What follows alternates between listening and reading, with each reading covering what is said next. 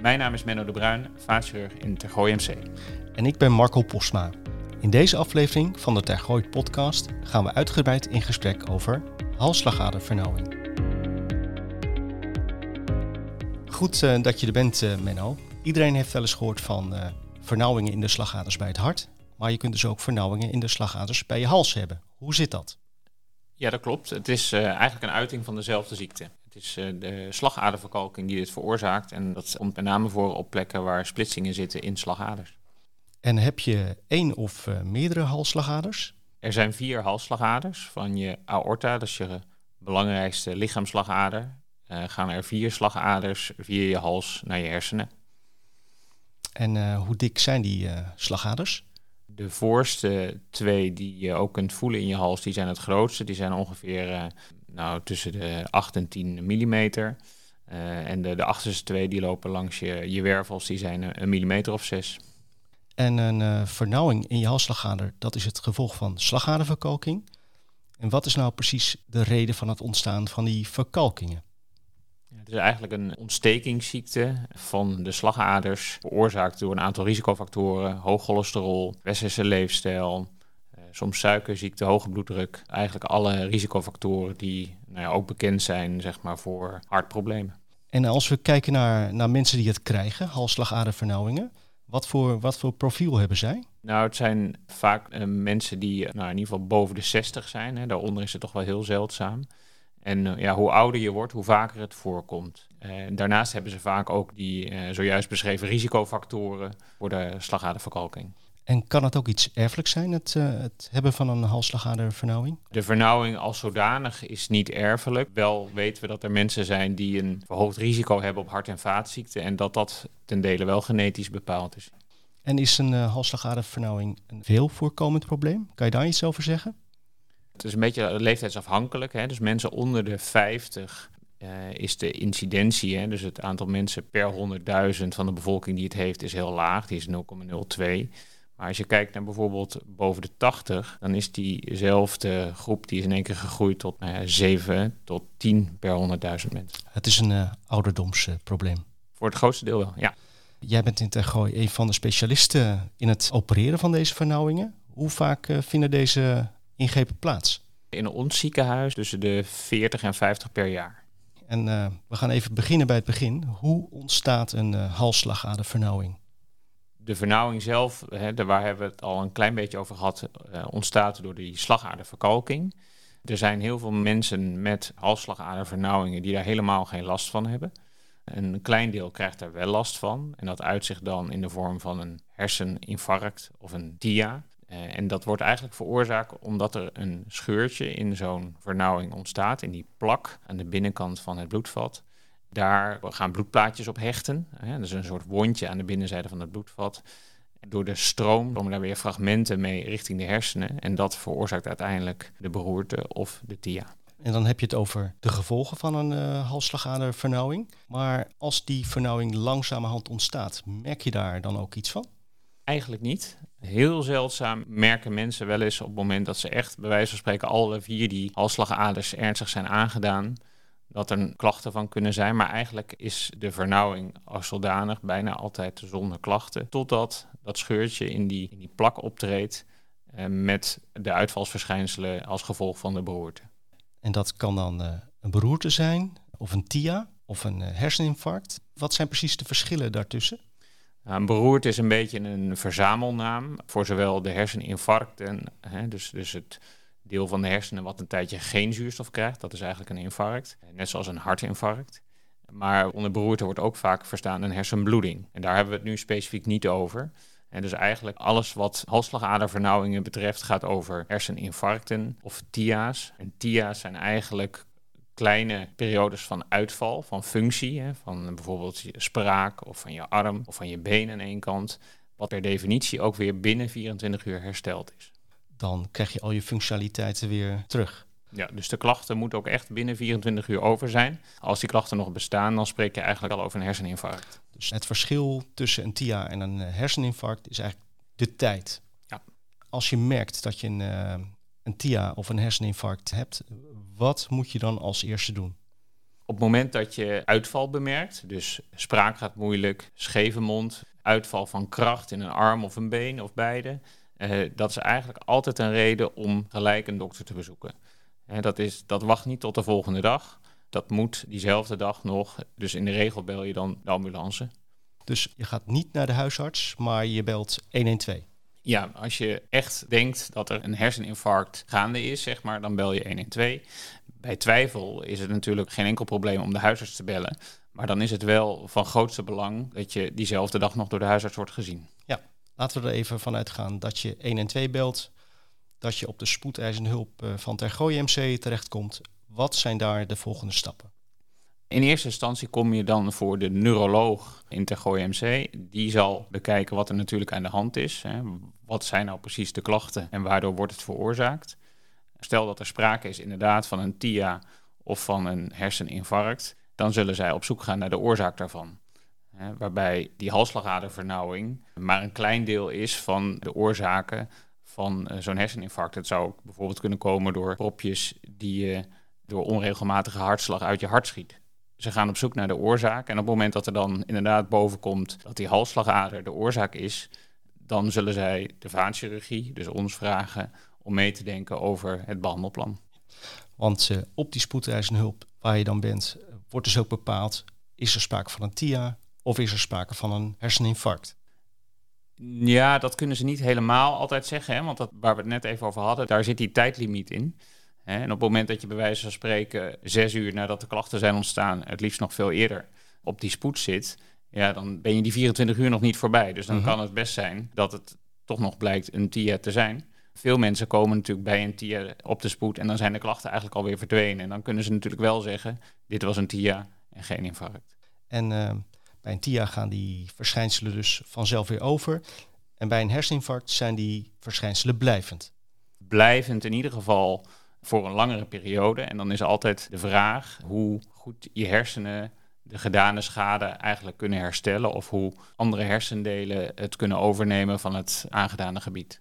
En wanneer kom je dan vanaf de spoedeisende hulp bij jou uh, op de polyvaatchirurgie uh, terecht? Uh, nou, zoals ik net even zei, zullen de neurologen ons erbij vragen op het moment dat er een vermoeden is dat de halsslagadervernauwing de oorzaak is van dit probleem. En dan zullen wij altijd op korte termijn polyklinisch iemand zien om te bekijken of iemand inderdaad in aanmerking komt voor een operatie aan die halsslagader. En moet zo'n eventuele operatie dan ook binnen een bepaalde termijn plaatsvinden? Uh, wij hebben landelijk afgesproken dat iedereen bij wie de diagnose wordt gesteld, hè, waarbij wordt gezegd, oké, die halsslagadervernauwing, die heeft deze TIA of dit infarct veroorzaakt, dat iedereen binnen twee weken vanaf dat moment wordt behandeld, dus wordt geopereerd. Ja, en opereren is één van de mogelijkheden. Welke mogelijkheden zijn er nog meer? Nou, er zijn door de bank genomen eigenlijk drie opties. Of je opereert niet en dan behandel je het alleen met medicatie. Of je behandelt het met medicatie en doet een operatie. Of je behandelt het met medicatie en heel soms kun je het ook met een stent behandelen. Maar dat is op dit moment niet de methode van voorkeur. Even een, een vraag tussendoor, Menno. Een, een halsslagadervernauwing die kan niet uh, vanzelf overgaan als je ineens andere dingen gaat eten of gaat sporten of je leefstijl aanpast. Of... Nou, de vernauwing zal niet weggaan. Wat wel kan zijn, is dat de stabiliteit van die vernauwing. En we hadden het over dat er een scheurtje ontstaat in die vernauwing, in die plak. Wat wel kan, is dat met een aangepaste leefstijl en de medicatie, dat die plak stabiel wordt. En dat dus de risico op het scheurtje daarvan uh, heel veel kleiner wordt. Want dat is uiteindelijk hetgene wat de klacht geeft. En je kunt behandelen met medicijnen, je kunt opereren. Wanneer ga je opereren? We hebben afgesproken dat uh, alleen mensen met een ernstige vernauwing, of wat wij noemen een significante vernauwing, in aanmerking komen voor een operatie. Dat komt ook omdat de operatie ook zijn risico's kent. Wat belangrijk is, is dat wij een operatie doen ter voorkoming van een nieuw infarct. Dat betekent ook dat als we iemand opereren, dat we moeten zorgen dat de risico's van de ingreep niet te groot zijn. want als dat er niet tegen opweegt, dan, ja, dan helpen we iemand eigenlijk niet. Dus als ik het goed begrijp, dan verricht je zo'n operatie eigenlijk om leed in de toekomst te voorkomen. Het is niet zo dat je opgelopen schade ongedaan uh, kunt uh, maken. Nee, dat, dat klopt. Dat is helemaal correct. Ja. Hoe verloopt zo'n operatie dan precies? De operatie zelf, zeg maar, duurt over het algemeen zo'n 2,5 uur. Wat we doen is dat iemand tijdens de operatie heeft eigenlijk een continu hersenfilmpje. Dus van tevoren krijgt iemand allemaal plakkers op zijn hoofd. Gaat slapen, het gaat helemaal onder narcose. Wij benaderen de halsslagader en dat doe je eigenlijk, krijg je een, een snee voor je schuine halsspier langs, links of rechts, hè, de, de kant van de aandoening. We leggen de halsslagader vrij en je moet hem afklemmen om hem schoon te kunnen maken. En dat hersenfilmpje dat dient ertoe om te beoordelen of je hersenen die klem wel aankunnen. Ja, want je sluit er dus één van de vier, die sluit je af. Eigenlijk praten die slagaders in de hersenen met elkaar, die zijn met elkaar verbonden. Maar toch kan het zo zijn dat je heel erg afhankelijk bent van die ene tak die moet worden schoongemaakt. En dat je eigenlijk dat afklemmen niet tolereert. Ja, als dat zo is, dan, eh, dan wordt de operatie iets uitvoeriger. En dan brengen we eigenlijk, dat doen we dan een shunt aan. Dus eigenlijk een soort tijdelijke omleiding om te zorgen dat we wel de slagader kunnen schoonmaken, maar dat er nog steeds via die zijde bloed naar de hersenen gaat. Als de slagader is schoongemaakt, dan maken we hem ook altijd een stukje breder. Dus we zorgen dat op de plek waar die vernauwing is ontstaan, dat is precies bij die splitsing, waarbij de halsslagader splitst in een tak voor het aangezicht en een tak die naar de hersenen gaat. Dan maken we het stukje breder om te voorkomen dat er in de toekomst weer een vernauwing kan ontstaan. Met als gevolg dat je daar opnieuw een probleem zou hebben. En dat is uiteindelijk wat we doen. We doen een plastiek van de slagader. Je maakt hem schoon en je maakt hem breder. En even voor mijn uh, begrip, dan hebben we het over de voorste uh, halsslagaders die breder zijn dan de achterste. Ja. Je ligt op je rug tijdens de operatie. En wie zijn er bij de operatie allemaal aanwezig? Nou, er is altijd uh, de chirurg en zijn assisterende. Dan is er nog iemand die instrumenteert. Dus die staan echt steriel aan tafel. Dan aan de kant van de anesthesie is er een anesthesist en een anesthesie-medewerker. En we hebben nog iemand die dus dat hersenfilmpje maakt. En die staat in nauw contact met de neuroloog. En die kijkt mee op afstand naar het hersenfilmpje. Dus op het moment dat wij het bloedvat gaan afklemmen, ja, dan zijn dat de mensen die allemaal betrokken zijn uh, bij de ingreep. Ja, ja, En hoe lang duurt die ingreep? De ingreep zelf duurt ongeveer zo'n 2,5 uur. Is het een gevaarlijke ingreep? Het is niet gevaarlijk. Het is juist heel erg systematisch opgezet om het niet gevaarlijk te laten zijn. Maar er kleven wel risico's aan. Risico's? Het risico van het, oneerbiedig gezegd, het rommelen aan die halsslagader is ook dat je een beroerte kan krijgen. op het moment dat de halsslagader nog niet is afgeklemd en je moet hem vrijleggen, dan kan je indenken dat als daar iets in die slagader zit wat heel makkelijk loskomt van de wand, dat je eigenlijk op dat moment een beroerte veroorzaakt. Er zijn natuurlijk allemaal speciale technieken om die kans daarop zo klein mogelijk te maken, maar dat is wel een risico.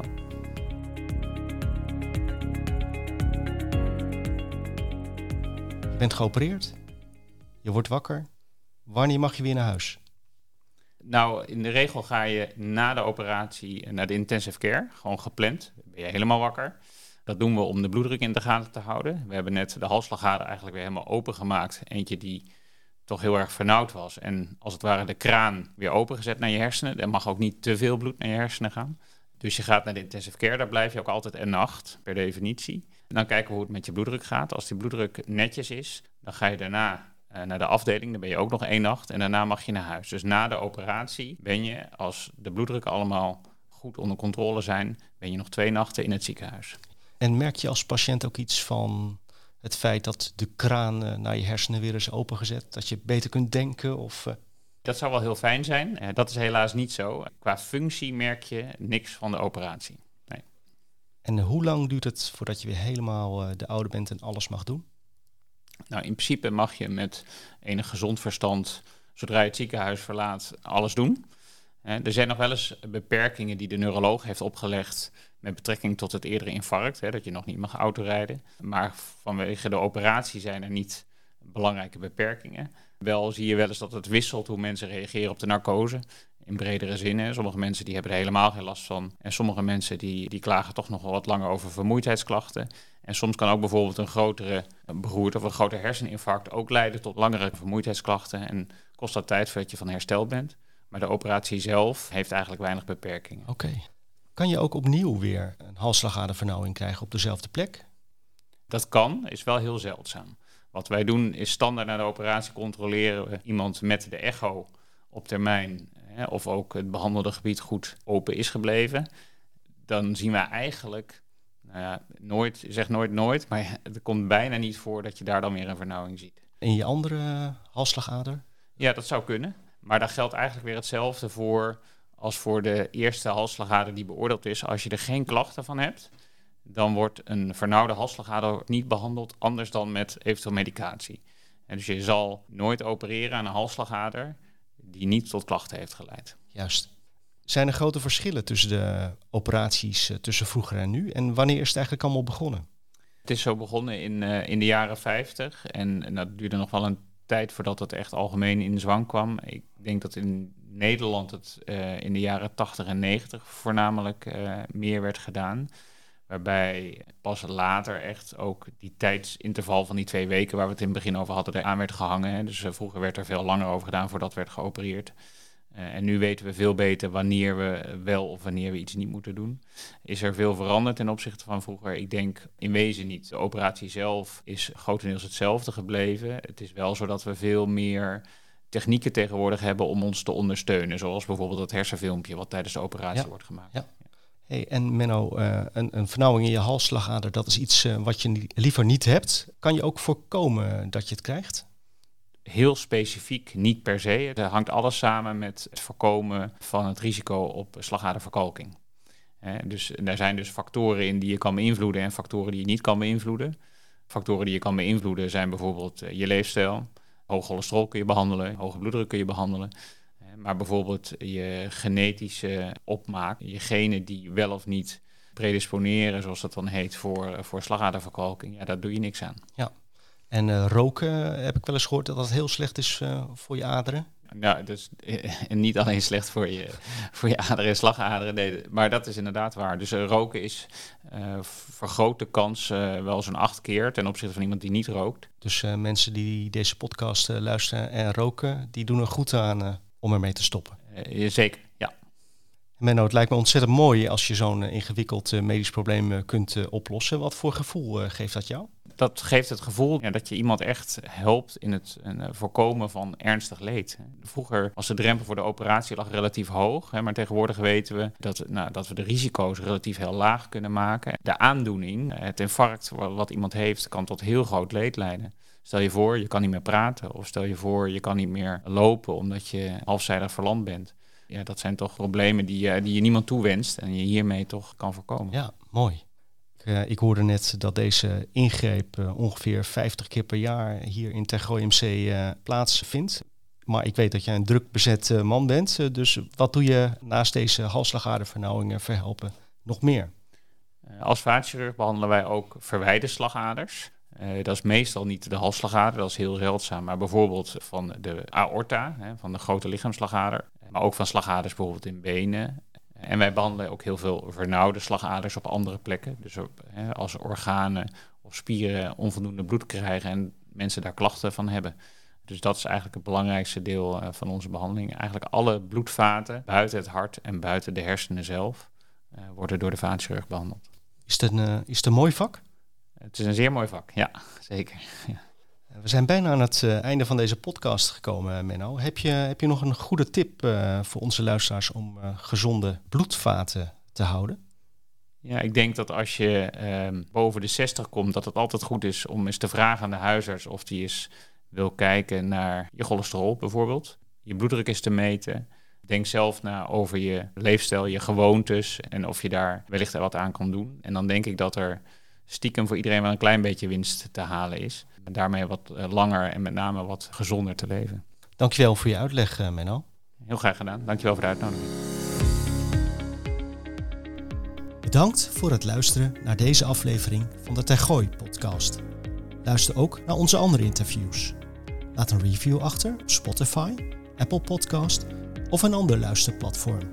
Meer weten over de Tergooi podcast? Ga dan naar tergooi.nl slash podcast.